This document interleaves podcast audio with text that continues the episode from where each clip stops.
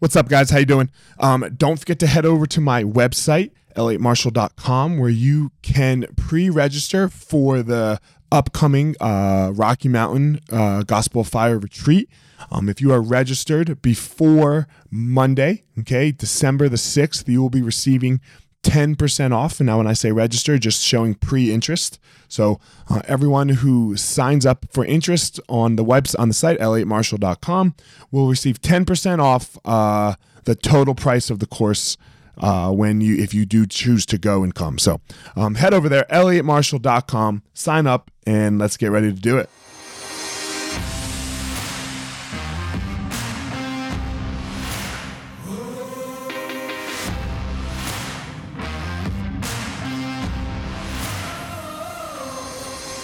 What's up, my ninjas? This is former UFC fighter Elliott Marshall, and this is the Gospel of Fire, where we are going to learn how to go into the fire so that we can find our power and live the best life possible.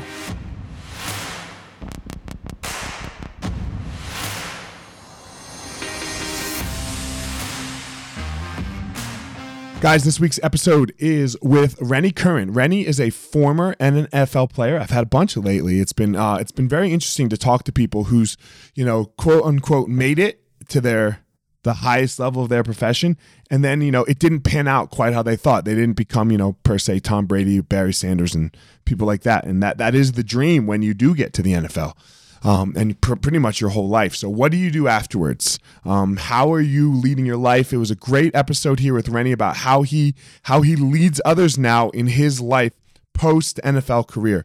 So, I hope you all enjoy. Without further ado, here we go, Rennie Curran. What's up, Rennie? How you doing, man? Man, I'm doing great. Glad to be on. Yeah, we had we had to reschedule last week. I had a sick child and had to do some things, and I still have another sick child this week. So, but but we're getting it done. Exciting times. Man, uh, and neither one of them have had COVID, so there is still sickness in the world without COVID. So that that is also true. Are you serious? No, that's not. All right, everything's COVID, right? right. you hurt your fingers. Shit, I got COVID. Right. Um, so man, you're in Atlanta and you play college ball down there, right? Yes, sir. Hometown kid, man. Born and raised in Atlanta and uh, played at University of Georgia. All right, man. Tell me, tell me a little bit about what that was like. How how did you get to this football thing? Because and like I said to you offline a second ago, um, yeah. I've had a couple of guys on. I actually had Gronk's brother on, nice. uh, and then I had an, I had another uh, ex player who like, look, uh, nobody knows Gronk's brother mm. because he's not Gronk, and you know, and this is this is a thing, and this is an even more important story that I feel like that needs to be told is how to keep charging after your thing doesn't like your thing, quote unquote, doesn't work out. Because that's my life too. Mm-hmm. You know, I made it, I made it, and then you know, I didn't fucking make it. So, um, first, let's talk about the journey through football and sports and youth and all that. So, what was your childhood like, and how did we get there? Yeah, man. So my my story was very very unconventional. Something I talk about a lot when I go out and speak now whether it's the corporations or teams. You know, I always start there with just my foundation, man, which was very humble beginnings. Both my parents were immigrants from Liberia who came here. Mom coming here first on scholarship to um, get her master's in nursing. So that's how we ended up being in Atlanta was through her, through education. And uh, did you say Liberia? Yeah, Liberia, West Africa, man, of all places. Okay. So yeah, she came, got a scholarship from Emory, and uh, came here with ten dollars in her pocket, man, and just that that uh, immigrant mindset, just making the best out of whatever you're given. My dad came, and uh, he he didn't have an, a scholarship or an opportunity, man. He just created one, and uh, he had a friend that was involved in shoe repair, so he uh, you know became an entrepreneur there, man. Just developing that skill like a lot of immigrants do, and you know uh, during the time that I was born, there was a civil war that took place in their country, and that had a major impact on me just seeing uh, and then knowing, being aware of this whole other uh, reality that existed, man, where people weren't as, as fortunate, people were, you know, being killed, um, just all types of things were going on. This was my family, and uh, seeing both my parents and how they just built up themselves, but used what they built to send it back home and help, you know, co- cousins, uncles, aunties come to our house. Our house was old, was kind of like a safe house. Mom was always cooking, uh, you know, bed was always open. Like I spent a lot, a lot of nights sleeping on the floor, just learning how to serve, learn how to be selfless, um, starting from them, man. And so when football came, man, it was like I took all those. What was that like as a child? Like, was that scary because it, of like what was going on? Like, what kind of mindset did that give you? No, it, it wasn't necessarily scary. Scary. It just gave me a sense of awareness. Even though I fully didn't understand what was going on, like I knew that you know the war. I, I just kept hearing the war, the war, the war. You know, and, and a lot of my cousins that were around the same age as me, they would come over, and they were refugees. They would come with nothing, and it's just like, you know, I would just see like once again how my parents just took everything they made and, and sent it back home.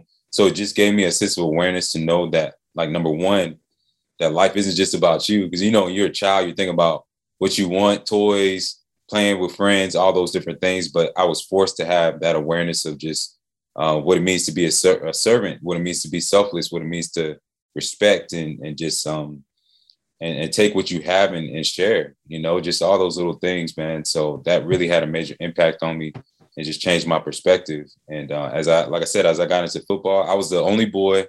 Uh, to top it off, I was the only boy, two older sisters. Uh, and so, were I, your parents married when they came here? Yeah, yeah, they were married. They were, they were married. And okay, everything. and you were born here in America, or were you born there? Yeah, I was born here in America. Okay, so all right, so two older sisters. Football. Go ahead. Sorry. Yeah, football comes, man. And I had played backyard football. We grew up kind of in the inner city, and then we moved out to the suburbs when I was 10. So my dad's business is going well. Um, you know, things are going great. We moved to the suburbs, and this is where I joined organized football for the first time. Knew absolutely nothing. Showed up my first day with church shoes on, like played offensive lineman my first year, just was lost. And parents, of course, didn't know anything about football. They just see it as a bunch of people hitting each other. But I had an amazing, like, little league coach and uh, at this time, their team had been together for a bunch uh, for a couple years, and they had won championships. So they had an amazing culture. He, he always built a strong mindset, and uh, he took a liking to me. Man, he treated me like it, I was his own son. I'll be picked up every single day for practice. He's the one who took me my first Georgia game, where I just fell in love with the culture and the atmosphere. Man, his son was our quarterback, and I eventually played running back. And uh, yeah, it just it just really gave me a strong foundation, man, that uh, led me to to high school where um, you know, it wasn't as good. And so uh, that I mean, I got switched from uh, running back that I always played to linebacker, and I didn't get along with the uh, coach in uh, high school my freshman year. And I got to that point, man, where I was like, I'm gonna quit. I'm I'm just sick of it. I don't like this guy. He makes me feel stupid. Um, and I went to my little league coach, and he told me something that I, I never forget, man. To this day, I, that I live by. He said, "Rennie Curran, I want you to focus on what you can control." And at that moment, man, in his living room, when I was talking to him, ready to quit, that meant for me like focusing on my attitude, my effort, focusing on just, you know, my ability to be a leader, like all those things. And, and just, like I said, just my ability to to make plays and control what I can control. So got on the field and it was like water boy, no lie, man. I just told myself I was gonna like either hit hit the person or be near the ball. And I just made up my mind, made that decision to just operate at that level and that's what got me moved up like uh, from my freshman year um, being at that freshman level to varsity so got moved up to varsity after my freshman year and uh, everything you know kind of took off from there still had a bunch of obstacles I was labeled undersized was was doubted a bunch and things like that but uh, that mentality so, man helped it's so interesting because everyone's heard that Right. Like it's it's not like we haven't heard that. We've all heard, oh, control what you can control, but it's fucking hard. Oh man. So so hard. How did you how did you I mean and at such a young age? Yeah. Uh freshman. So what are you? 14, 14, 15, 13 years old, somewhere in there, right? Yeah, yeah, yeah. 14. How did you really implement that at mm. such a young age to make it work out? Because I'd say 95% of adults in the world right now can't, you know, yeah. You know, they watch like we were talking. I mean, just like we were talking about earlier, they watch the news and they either get scared of COVID or they say it's no big fucking deal, and their whole life becomes wrapped around COVID, or or you know who's the president or whatever else the fuck it is, which we have no control over. So, how did you do that at 14 or however right, old you were? Man. So I I literally made this every opportunity that I had. I made the decision that I was going to go over and above, that I was going to do just a little bit more. And it started small and it just led to this like i said this mentality that became a norm and uh like for example i'll give you a couple examples of Please. of how i implemented this in the smallest ways so i remember man 14, 15 years old, when we started uh, weight training, our coach would walk around. He would give us all a, a sheet that would tell us based off our weight and our percentage what weight we should be lifting. And I looked at that sheet and I would see for bench, you know, 175, uh, for squat, 220, so on and so forth. For each one of those weights, I would say, nah, I know I can do more. So I'm putting on 220 pounds. Like sometimes you get mad at me, but just making that shift, man, to saying I can do, uh, I know I can do more than this, and not letting myself, uh, limiting myself based off of somebody else's expectations. That, I mean, just that alone, that shift led to me setting records by the time I left the high school. Getting on the field, you know, when I knew it was practice, when I knew I was second string, when I was knew I was scout team, getting out there and not just going through the motions, not just going through the place, but I mean full speed, like we're in the game. Every single Did you see, practice. You know, you see, just, you follow you follow Dion on on Instagram. Oh yeah, yeah, yeah. I, yeah, I know exactly. You put out that, that video. video. Right. Yeah, man. Practice with uh, a purpose. Yeah, practice with a purpose. Yeah. So when I practiced, man, I saw myself. Even when I was, like I said, when I got moved up to varsity, I w- when it started right away, nobody knew my name. I was literally practicing as if I was a starter, as if you know I was that that guy, that Georgia player that I wanted to be. Uh, I would go up to University of Georgia, man, before anybody knew my name, with my little league coach, and uh, being put myself in that environment, man. Um, I would get to the weight room, uh, get to the film room, six o'clock in the morning, and a lot of times it would be uh, so that because we were struggling during that time too. My dad had lost his business, and, and things weren't going great, and uh, he would drop me off early, but we would also be dumping the trash because we couldn't afford the trash, and so um, he would drop me off early, we dump the trash, and I would go in there watch the film for hours, man, and before school started, just all those little efforts, man, all those little uh, just decisions to to go over and above, man, they all added up. And uh, that's really, really how I implemented that, uh, controlling what you can control. And then even just my character, man, choosing to be a good person, choosing to respect people, choosing to be humble, choosing to, you know, to try to be a good teammate. I wasn't perfect by any means, but it's like just those little efforts every single day just added up, man. And, and it's like when I least expected it, that's when the opportunities uh, came, the biggest opportunities in my life. And I love talking I, about that, man. I love what you just said a second ago. Choosing to respect people.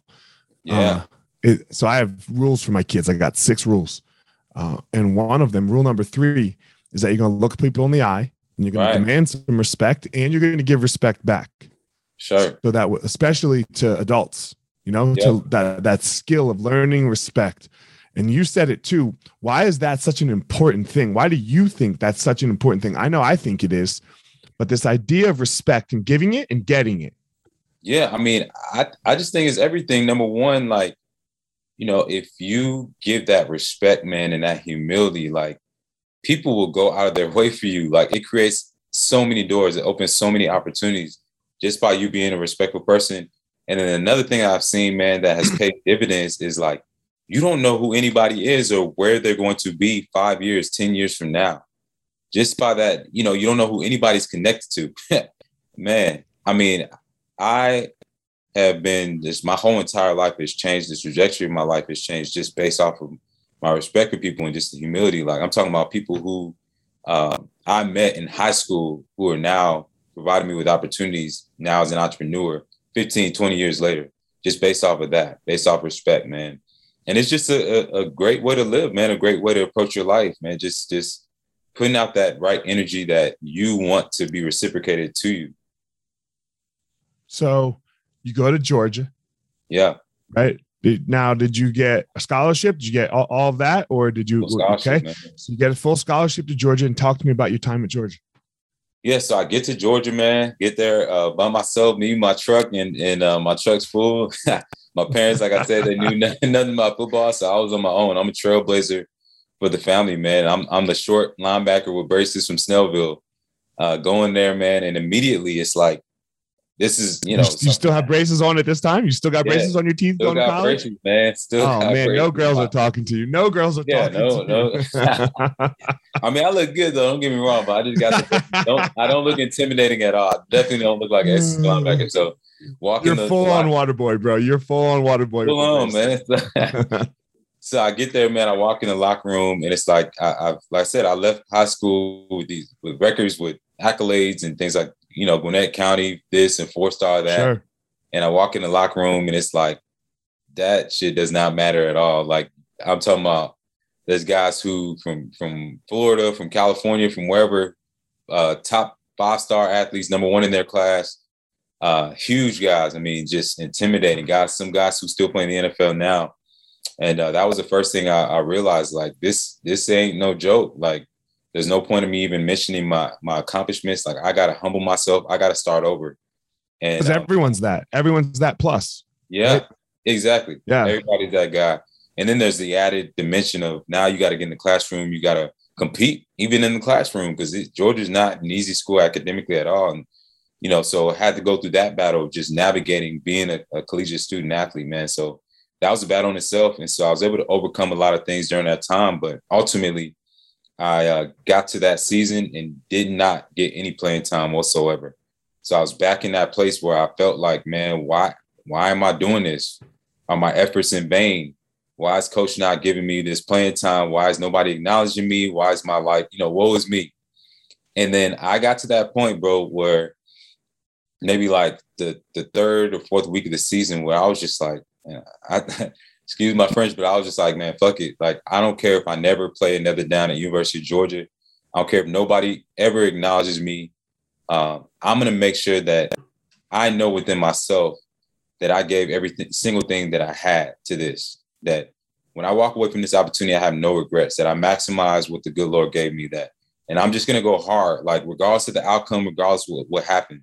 And so, same thing. Got in the weight room, got in the film room, just did, just made the best of what I had, control what I can control. And within uh, six, seven weeks, man, I finally got my opportunity. And it was against Florida. That was my first start when they had Tim Tebow, Percy Harvin, all those guys, man, and was able to make some plays. And, and that's where everything changed. But it was like that time that I had, that time span that I had to go through, that valley moment is what I call it, where it just did not look good, right? There's no light at the end of the tunnel. Um, the opportunities that I wanted wasn't there, the, the promotion wasn't there, but I still had to sow the seed and work that thing like regardless of where I was. And um and, and I had to be fueled by my my vision and not my reality. Where you wanted to go. Yeah.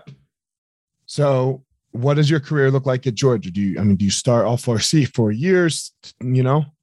So yeah, so from there, from that moment on, man, I go on to become a three-time All-American, freshman All-American, sophomore, junior year, permanent team captain, um, Butkus Award finalist. I mean, so many great, great oh, things oh, happen. Yeah, bro. Like, I mean, this thing it, it takes off. It's, it's booming. That's a big deal. Like for for all my listeners that aren't football fans, the Butkus Award is the is the best linebacker in college football. So, uh, that yeah, that's a big bro. deal that's not that's not small because you're only looking at five guys, right? Like yeah, uh, yeah, yeah. I mean, so that's five guys out of every out of every college team in the whole country. And right. and please understand for again my non my non football listeners, it's not the NFL where there's only 16 teams, or I'm sorry, where there's only 32 teams. There's you know there's 32 oh. teams in Georgia. Right, right, Yeah. You know, so go ahead. Yeah. And so in the midst of all this, man, my, my daughter is born as well. So I become a father at uh 20 years old, going on 21. Uh, so that was a huge shift, man, that happened that that just made it um or put me in a mindset where now it's not just about me anymore. You mm-hmm. know, um now like my actions have um very sim- serious ramifications and, and you know consequences you know, once you become a father, it's like everything. I mean, you know, just you got that those little eyes looking up at that you. Thing you touch that thing, and you're like, oh yeah. oh my god, whoa, right. whoa, whoa, and it's really messed up. Yeah. yeah. And what's really messed up, I was talking about this with my friends the other day about when you become a dad, you know, or any parent, mom, mom, the same. Like when you're going to get your driver's license, they make you pass these tests right. and they make you drive forever right? right like six right. months of practice driving to make sure that you got this and, and yeah. like that you're going to be slightly safe. Man, yeah. you spend a day and a half in the fucking hospital and then they go, okay, see you later. Right. Good luck. And you're like, ah. exactly. exactly. So yeah, man. So now I'm a student. I'm a student. I'm an athlete trying to fight, man, trying to help the family, and I'm a father which didn't go well. Obviously, you know, like you said, you don't get prepared for that. You don't, especially when you're in one of the craziest times of your life trying to build your career. That's just not something that um, you can really fully maximize. Like I feel like you can really only only do um, one of those things, right? So get to my junior year, man, end up leaving early to help my family because they're still struggling at this time on top of everything. So I go to the NFL and um, end up getting drafted third round after going through the combine, which is a whole nother story, man. Just that whole experience and how crazy it is going from being a, a college student athlete to now being basically a CEO of your own company. Um, mm-hmm. Um, but go through that, man, getting the, the financial advisor, getting the agent, of course, getting the trainers, like just positioning myself to basically be a machine. Get drafted, uh, end up going to Tennessee to the Titans, and uh, things go pretty well my first year. Get some special teams reps, and uh, really just try to get acclimated acclimated to the lifestyle of being an NFL player. Second I gotta year, hit pause on you for one sec. I yeah, gotta go hit pause on you for one sec. We're yeah, gonna, sure, we're sure. gonna go a little current event. How the yeah, fuck does Von Miller get traded for a second and third round draft pick? Man, he's Von Miller, business. man. It's he's Von Miller. It, I'll say it again. It's a business. oh my god, business. man! I, will tell you. I'll tell you like this. I mean, I hate to to put it in this scenario, but imagine you know being a business owner and you have an asset that maybe is generating a lot of revenue, but it also costs you a lot monthly, and you can get something a little bit cheaper that can. Yeah, I hear you, but man, at least get a first round. It's fucking Von Miller, bro. Man, he's a Super Bowl MVP, Defensive Player of the Year bro, that's that's what happens when you're dealing with people who most of the time have not even played a snap at that level. You dealing but John Elway has. Yeah, but I mean, people who he has with, if you, I guarantee, if you look at his staff, you'll see some people who never played, who are mm. finance guys, who are who've done the projections. Right, in the next five years, this is what uh, our you know income and expenses are going to be based off Von Miller being with us and things like so it, it, I guarantee you, has nothing to do with his ability or his brand or what he means to the organization. It's it's that's oh a God. business decision. Yeah, yeah. I couldn't what, believe it. I could see getting traded, but right. not for nothing. Not for yeah. nothing. Yeah, it's it's all based yeah. off you know projections and numbers where they see him at in the next three to five years, and probably like right, right. in terms of his output and you know the fact that he got hurt and things like that. Right. So um yeah, it, and that's one of the things you learn, man, when you get to that level is a lot of stuff is not personal. Like, and the worst thing you can do is take it personal, because then you're. Is anything personal? Is anything in this world personal? Let me ask you that question as we diverge. You know. oh yeah, I think some things are personal for sure.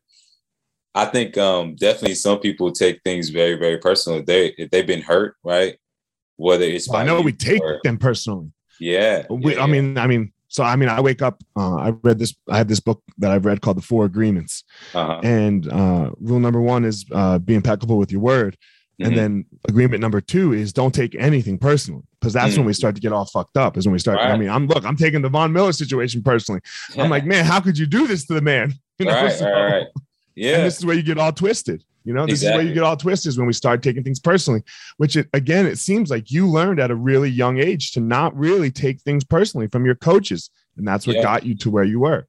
Oh yeah, without a doubt. I mean, you you really, really can't. Like you said, once you take things personally, you're operating in emotion and not mm-hmm. based off logic or based off vision and, and where you're going, man, it's, it becomes extremely tough to make the right decisions. I mean, you're going to operate sporadically. You're going to react instead of responding like so many bad things happen when you when you do take things personal in the wrong way uh, and whatnot. That was really good what you said right there. You're going to react rather than respond. Yeah, yeah, yeah. yeah. I like that one. I see that, that a lot. There's a lot of people sitting in jail in the graveyard because they decided to react instead right. of taking a step back and you know responding in in a logical way. So your second and third year come around the NFL, and what's going on? So after my second year, man, the lockout happens. Uh, coaching staff changes. So they fired Jeff Fisher and his staff uh, going into my second year. And oh wow, how old are you? Yeah, so I'm 22 at this time, bro. Like I'm. And how old are you right now? I'm 32. okay, so yeah. 10 years ago, Fisher was the coach. All right. Yeah, Fisher was the oh, coach. Oh, were you man. there for the Nash the when the the the kickoff the the the playoff game on the kickoff where they you guys were losing, the Titans were losing, and the kickoff came, and then the dude started to run. I don't even remember who the players were, and then they threw it across the field, and it actually worked. Man, Uh, I don't. I mean, I, I know it was Jeff Fisher was the coach, but it doesn't sound like you were there. Because I mean, it was amazing. Yeah, it might, it, I think it was before me, a couple years yeah. before me. Yeah. All right, so go ahead. Anyway, you were at Georgia still. Yeah. So, so this Fisher gets fired. Yep. This 2011, Fisher gets fired. Lockout happens. They hire a new staff. They draft like two new linebackers, bring another one in free agency. So I go through camp with them to do well. What I thought was well, man. Led the team in tackles in preseason and they didn't have any plans for me, man. It made it. They made a business decision based off of you know who they drafted, who they brought in, and uh, whose contracts they need to to renegotiate and things like that. So I ended up getting cut after my just my second year, uh, and so I find myself back home, man. And that's when I have to once again in that valley moment make the decision to maximize and control what I can control. And so during this time, I'm training, I'm staying in shape, waiting on that phone call.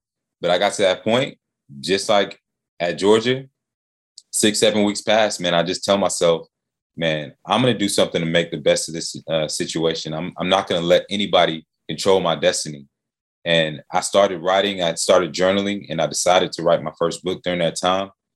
Um, I also was going to networking events. I was reading tons of books, just building myself, man. Books on leadership, books on self help and personal development, Malcolm Gladwell, uh, Napoleon Hill. I mean, so many different books, man. Just really building myself in the midst of this time of adversity and uncertainty. Ended up writing my my first book and releasing it. Uh, it's called uh, Free Agent, and it really just talks about how to navigate those times of uncertainty and those those times when you're in that no man's land place in life. A lot of us have just come out of that, right, from the pandemic. Yeah. So um, that's what it really talked about, and um, after that time, or during that time as well, while I was writing the book, I ended up getting picked up by the uh, Buccaneers, Tampa Bay Buccaneers, and uh, same thing, man. Got picked up. Things were going great. I was starting. Everything was awesome. Draft comes. Uh, they drafted a guy, and you know Lavonte David, amazing player. No knock against him, man. Uh, but yeah, that that was business decision once again. Ended up getting cut and finding myself back home. And so, um, yeah, just really during that time from 2000 uh, 11 to 2013 was really just trying to build myself off the field and maximize whatever opportunity I had in front of me. And uh, eventually went up to Canada to play up there. So that was another part of my journey as well. So we're going to move to what you do now, but here's my question because everyone hears the NFL, right? I mean, so you played three seasons in the NFL, yeah? Yeah, sounds yeah. like. Yeah. I mean, everyone's like, "Oh, you're fucking rich, man. You got probably like 20 million dollars." Right. Yeah. No? Nah. Definitely not. and see the, the thing, yeah, the thing that people don't realize is when you get drafted and you see those numbers roll up, you know, that they sign for, that's the numbers that's like, that's like perfect world, but that doesn't mean you're going to hit that. Meaning, like, if you see five years, 72 million, that means that 72 million is spaced out over the, the course of five years. It's not just they sign the mm-hmm, contract mm-hmm, for five years and then you get that 72 million up front like that that doesn't happen. And then um, so the first year let's say it's, is 50 million just for easy numbers. That first year you'll get your signing bonus which will probably be like i'd say 10 10 mil. Then that uh, salary for your first year may be like two or three million. And then the second year yeah but man still that's 12 million dollars oh, no, no, in no. one year yeah, yeah. No, no, no. I'm not saying it's not, you know, a lot by any means. But you know, that's the first thing is just understanding that it's spaced out over time. Right. right. The second thing you got to remember too is guys who play at that level, those of us who make it, we're taxed at the highest tax bracket. We're taxed in every single state we play in. So you got to cut that in half right there, basically, what you think you're getting. And then you still have to pay into your 401k and all, all the other things like any employee, the players union, all that stuff. Yeah, yep. all those things. Got to pay your agent three percent. You know, and this is all before you get to taking care of your family and taking care of yourself and all those different things. So when you really break it down, it's not as much and it's not as much as what's perceived. If that makes sense, still a lot. Don't get me wrong, but not as much as as uh, what's perceived for the big dogs. For the, for the Von Millers, Von Miller's fine for the rest right. of his life, no matter what. Right? Like right, right, right. Sure, you know, I mean, he signed 100 and one percent. Right, That they're good. And look, it's the same way in fighting, except smaller numbers. Right. Uh, I right. mean, I made nothing. I made fucking. Right. I probably made three hundred grand over a decade. So, right. yeah, you know. Yeah, and it's the thing to remember too is on every team there are like three or four guys who are making that majority of the, of the uh, salary cap or the you know the money um, money. Yeah, there's three or four guys. So you got the quarterback, of course. You got maybe one wide receiver, and then like maybe two defensive players who are making a lot of money, like that one percent of one percent. Everybody else is fighting year in and year out to keep their job. Right. And so, so what yeah, do you do? So football's over. Yeah. You know, football's over. What's next? How do you how do you move to what's next? Yeah, man. So like I said, during that time, early on when I first got cut, I had already started building my personal brand and started building my business and, and started thinking of ways to add value to the marketplace, man. And that helped me tremendously. Like I talk to so many guys now and try to mentor so many athletes and, and even just people in general. But I'm like, man, you got to start building your personal brand, start thinking about, okay, if I get cut tomorrow, my job ends tomorrow, my company uh, goes bankrupt, and they just say, hey, sorry guys, like, would I be able to monetize my skills, my abilities, my experiences, my relationships off top? And so I became really good at that, man. And that was that was what really saved me in 2017 when I tore my patella tendon uh, after I played in the CFL and after I tried to come back to the NFL um, I had already had my speaking business built. I was already coaching people. I was certified in life and business coaching. Uh, I was already doing a lot of things, hosting my own events. So the transition was tough. Don't get me wrong, but it wasn't nearly as hard as it could have been because I wasn't starting from scratch. And um, that was was that is what led me to where I'm at now, man. So I just really am still doing a lot of the same things. I, I speak at I speak to teams. Um, companies, associations, on leadership, team team building, and high performance. I do a lot of one-on-one coaching, working with anybody from executives to entrepreneurs to uh, people who are considering becoming entrepreneurs, um, athletes here and there, you know, who are transitioning. Some people come to me for help with their personal brand and how to like leverage where they are now uh, and the experiences they built and how to monetize that. For some, is they just need uh, help with their mindset and just how to be more organized and efficient so yeah, it's it's been a journey, man. But I, I love every bit of it. I'm excited for the future, and, and yeah, just just been eating it up. And what does your life look like now? You're married, kids. What I mean, I know you have a daughter. You have more kids. What's what? What does that look like? Yeah, man. So daughter is 13 years old now. Crazy to say that. 13 going on 21. Uh, I do have a, a girlfriend that I uh, pretty much 100% sure is going to be my wife.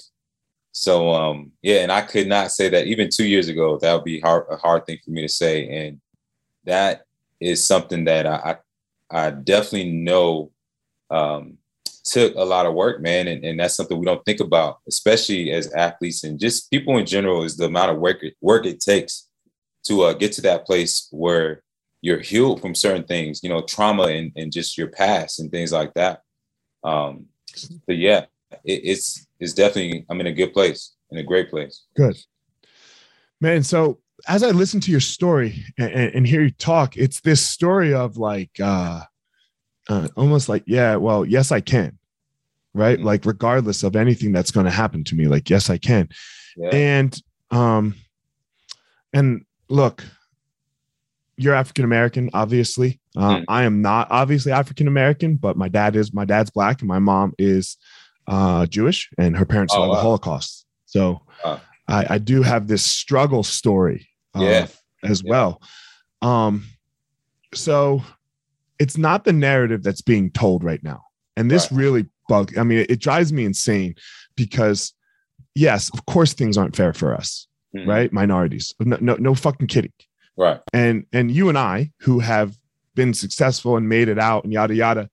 Uh, we need to do everything we can to equalize out the opportunities for people. Right. I believe.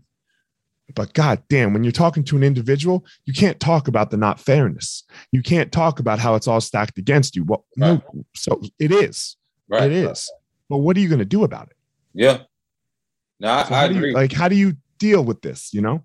Yeah, man. I, yeah, it, it is a tough thing. It gets frustrating at times because it, it does exist. I mean, I don't care if if people want to admit it or uh, want to acknowledge it or not. I mean, there's just certain things that like, man, it's it's there and you know it, and it's always in the back of your mind. Like if for me being an entrepreneur, even just that perception of uh, you know, for me coming from that athlete world, being an African American athlete, and saying that I'm talking about leadership and saying that I'm I'm I can speak on change management, you know, and when people know me as this athlete, it's like, what do you know about leadership? What do you so even just that perception of just because people uh, have to remember too 15 years ago like the black quarterback wasn't a thing exactly because right? like right because because because black guys weren't smart enough right. to play quarterback yeah they couldn't and, lead and play quarterback right can't can't lead yeah so it's like little things that may not be said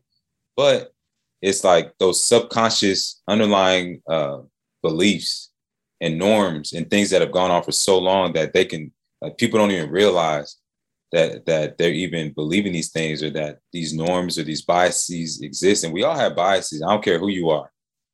Yeah, we we're, all, have, we're all prejudiced. Yeah, yeah, all we, all prejudge without a doubt. Yep, all prejudge. So no, knowing these things exist, man, uh, it can very easily knock you off course. Just like we talked about how taking things personal can knock you off course like buying into those narratives and those beliefs and and those biases, even if they do exist, even if they hold you back, um, it can definitely hold you back big time. And I just know, I and I tell myself, man, it's a numbers game, right? And I, all I need is one, like the power of one. That's something I live by. That it's a numbers game, and all I need is one, man. I don't need everybody to like me.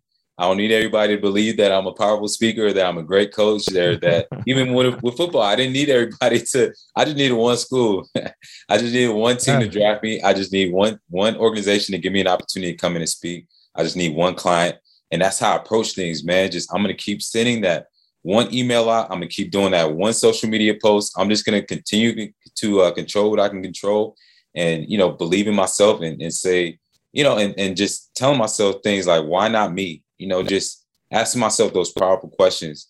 And that's what has taken, you know, me to that next level and continues to take me to that next level is just that belief and that perspective and that mindset.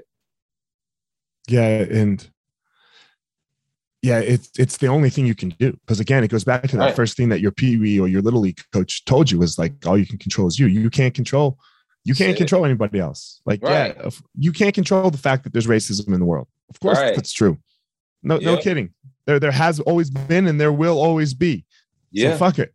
You know. Right. Now look, I'm and and please nobody take it as that we're saying like, oh, oh well, fuck it. Like, okay, don't do anything about it. We're not saying that. Mm-hmm. Do something about it. Once you have the power to do something about it, start doing something about it. Yeah. But when you don't, when you're young, when you when you are getting beat down, fuck it. Mm-hmm. Who cares? Yeah. Who cares? Let's go. That's it, man. It, it really is about your mindset and about your character and about your perspective and the energy that you bring. I can tell you firsthand, man, like my little league coach, you know, this was a guy who was a straight, you know, red. Some some people might call him redneck. I mean, he's redneck then. I mean, just picture big belly, yeah, uh, chewing tobacco, deer hunting, like from middle of nowhere, Georgia. Like this was my little league coach. So it wasn't a situation where like, you know, he just grew up loving black people. And I was like, nah, he he went through his own transformation. So one thing I've learned, man, is that people can change, can have a change of heart. Oh, like, don't say it. Don't man, say it. No. God can. That's not God true. Can. Don't you know? If you make the, if you're if you're a piece of shit in, in 2005, you're still a right. piece of shit now. Right. Right and that's what some you know some people out there yeah. truly believe that that people can never change. They're always gonna be evil. They're always gonna be hateful. But I've seen it with my own eyes, man. That just based off my humility, based off how I approach people, they, even if they don't like whoever, they still they just have no choice, man. And whether it's God touched their heart, whether it's you know they just decided, dang, I, I can't even be mean to this kid. Like he comes from like he comes from immigrant parent. He's just working. He's just trying to do the right thing. Like, let me just give this kid a shot. Like, I was that kid, bro. So even I, have seen it so many times that even if people have bad intentions, if you just go and you have the right intentions, you you have a pure heart, man. You just out there doing right. You treat people with respect. You're working hard. Like some somebody somewhere is gonna be like, man, let me just give this kid a chance. Let me just, you know, let me just mm-hmm. open up. A door. Let's just see. Yeah. Yeah, let's just see what he does. And that, that's the story of my life, man. More than anything, that's the story of my my parents the same way. They had people that blessed them, man, that like, you know, that it, it wasn't no reason for them to do it, that nobody was putting a gun to their head. They have nobody was acknowledging them or gonna write a newspaper article about it. They just did it out the kindness of their heart, just because of you know who my parents were, just humble people, just working hard, just doing the right thing, man. I've seen that happen so many times. So I, I truly believe in that as well. That even you know somebody can have the most come from the most racist background, and you can be that person that shifts their heart and sh- shifts their mind.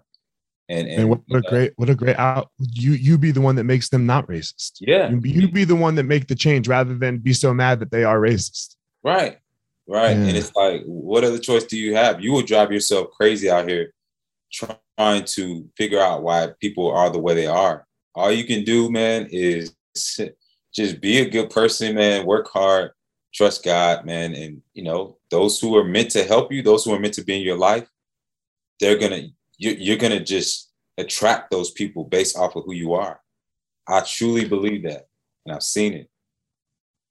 So as as we close, man, I, I, always like to ask two questions. I think I know the answer to the first, but I'm gonna I'm gonna ask it anyway. Um, this, I mean, this podcast isn't really to do much for you. Uh, I'm I'm I'm not I don't I don't have like a massive platform where like hundred million people. Oh, nah, you get all I need is one, bro. so they yeah. So I knew that was your answer. Like, why do it? Because all you need is one. They you yeah. know.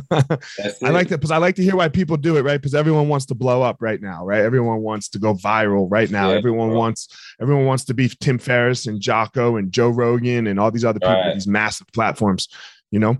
But the truth yeah. is, is, is it stop? It's not gonna happen right? And especially yeah. not going to happen off of this 45 minutes or hour that we just talked. So, right. One.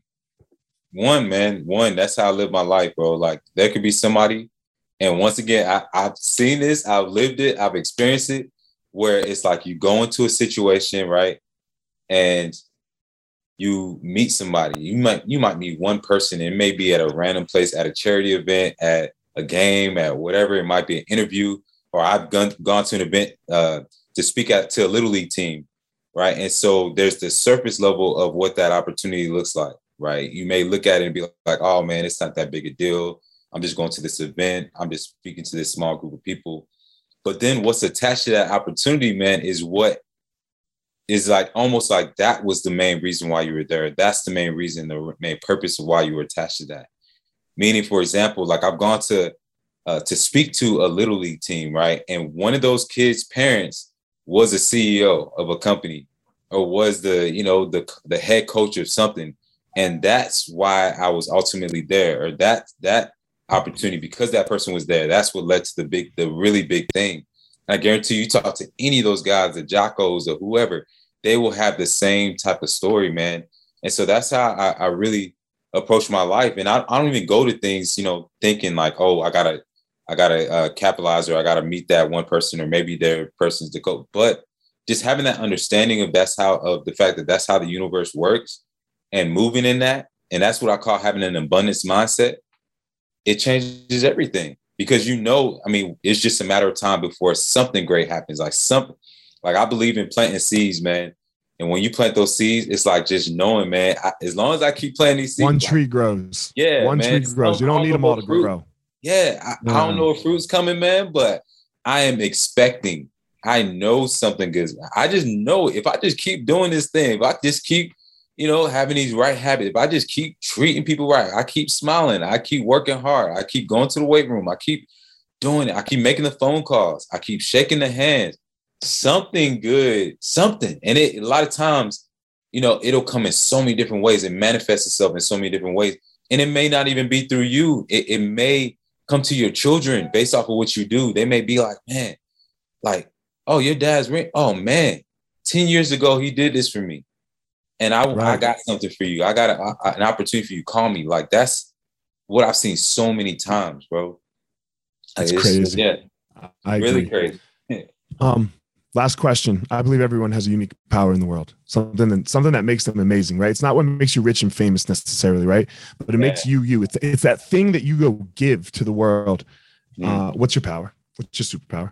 Man, so I feel like my superpower is my ability to like look at a situation, look at a challenge, look at uh, something that may be considered some adversity and see opportunity within it. Like I believe that's my superpower. So I could sit down with somebody and they just maybe just got fired or maybe they just started a business. And by end of that call, I will have helped them dissect their situation in a way where now they see opportunity in the midst of that challenge. And that, I mean, that's what's got me through everything, man. That that ability, and it's still like it, just makes me so excited, you know, because I'm, I'm able to look at at other people's life that I work with, man, or organizations. You know, I'm, I'm able to go and, and speak life into them and speak life into people, and even my own situation. I'm able to just have that right perspective that creates multiple opportunities. So I believe that's my superpower, bro. Man, thank you so much for coming on, Randy. Yes, sir. Excuse me. Um, tell everyone where they can reach you, where they can find you, um, if they want to work with you, just if they want to follow you, whatever it is. Yeah, man. So the easiest way is through my website, renniecurran.com. Got a lot of good information on there. Uh, and I always make myself available for just an introductory call. If you if you're not really sure, you know, you can uh, schedule one and we can just talk and uh, you know, I can hear about your goals and challenges and see how I can help you. And then besides that, man, through my um, social media, very active on LinkedIn, on uh, Instagram. It's all just at Rennie Curran and everything, man. So yeah, I appreciate you, bro. I appreciate you coming on, man. Guys, as always, Rennie has his unique and special power. I have my unique and special thing and power that I do. Don't go out in the world and try to be Rennie, and don't go out in the world and try to be me. Everybody go out there and you find your own power. All right, everyone, thanks for listening to this episode of The Gospel of Fire. If you enjoyed the episode, I'd love a review on iTunes or wherever you are listening to this podcast. Don't forget to follow me on social media at Fire Marshall 205 if you are a BJJ enthusiast, check out my YouTube channel. I put all kinds of instructional DVD uh, videos out on there, so go check it out.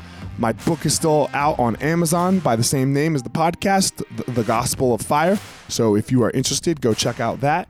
And most importantly, guys, go out there every day, find your power. Thanks a lot.